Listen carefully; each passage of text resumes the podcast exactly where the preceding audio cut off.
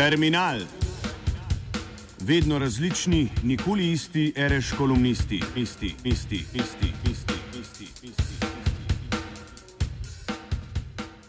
Dan državnosti in dan mladosti zadnjič. Spoštovani, v zvezi z dnevom državnosti, če tudi je še nekoliko odmaknjen, se zdi pomembno predvsem tole.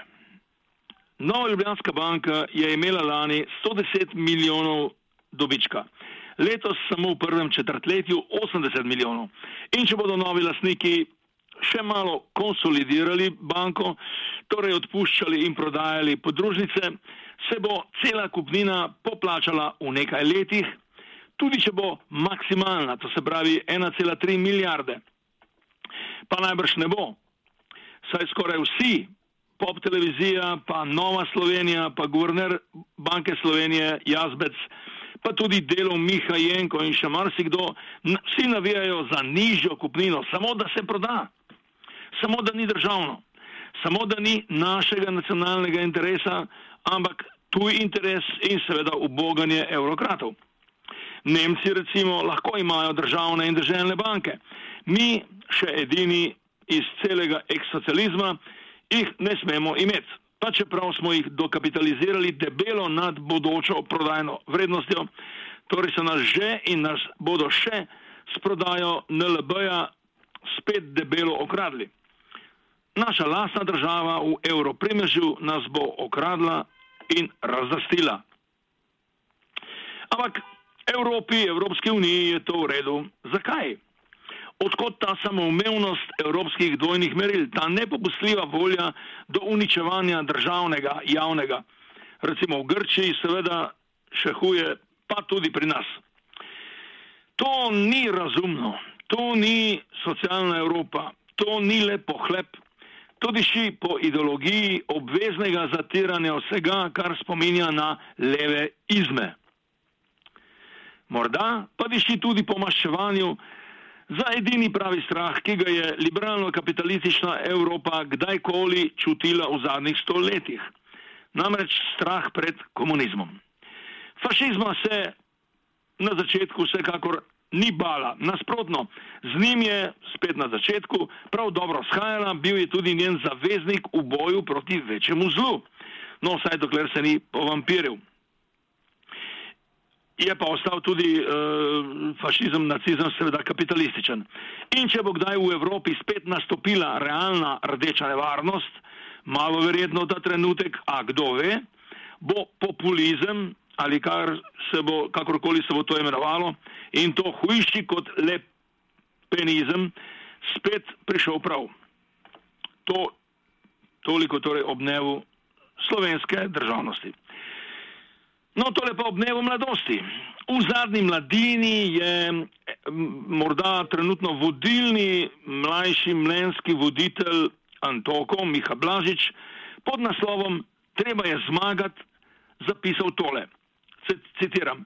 Levica, ki so strukturne spremembe od 70-ih naprej potnistile na družbeni rob, se je tam pač naučila živeti.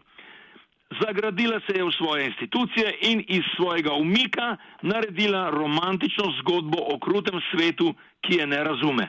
Konec citata.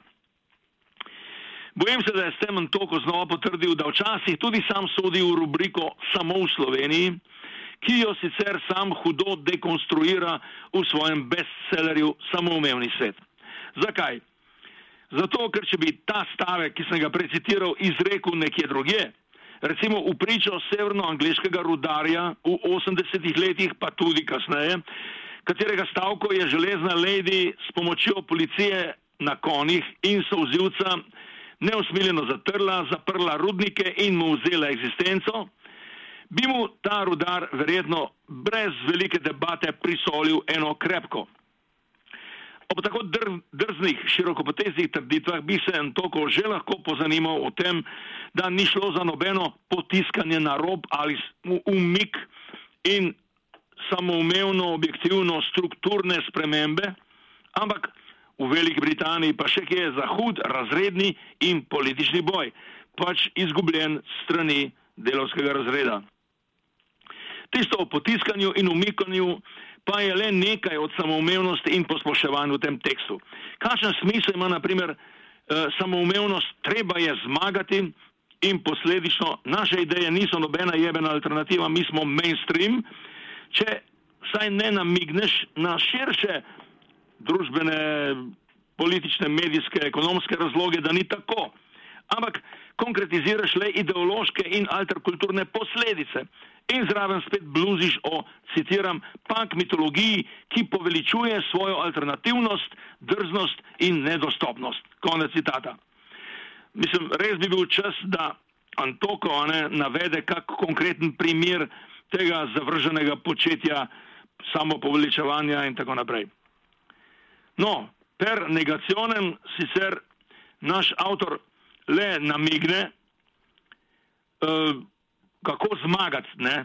Pravi pač, ja, sindikati, stranke, politične organizacije, to bi bilo spet treba vzeti, ne, zdaj je tako nekako zoprno. Super. In bi se precej njegove kritike levice lahko morda celo nanašalo tudi na našo združeno levico. A če le ta ni imenovana in ni, je pač bravci, ki ne znajo več brati med vrsticami, ker pač tega ne rabijo v demokraciji, ne, ne bodo prepoznali. Njej sami, se pravi Združeni levici, pa se v teh splošnostih tudi ne bo treba prepoznati. Ne vem, kot da to, ko piše za nekoga, nekega virtualnega mladininega slehernika v nekem abstraktnem okolju, no morda tudi za bralce v Noriškem kraljestvu. A šalo na stran, sem že preveč nadomeščal urednika mladine, rečem lahko samo v, tej, v tem zadnjem svojem terminalu, Lahko noč in srečen dan mladosti, pa ne zasvinjajmo preveč rožnika, prosim.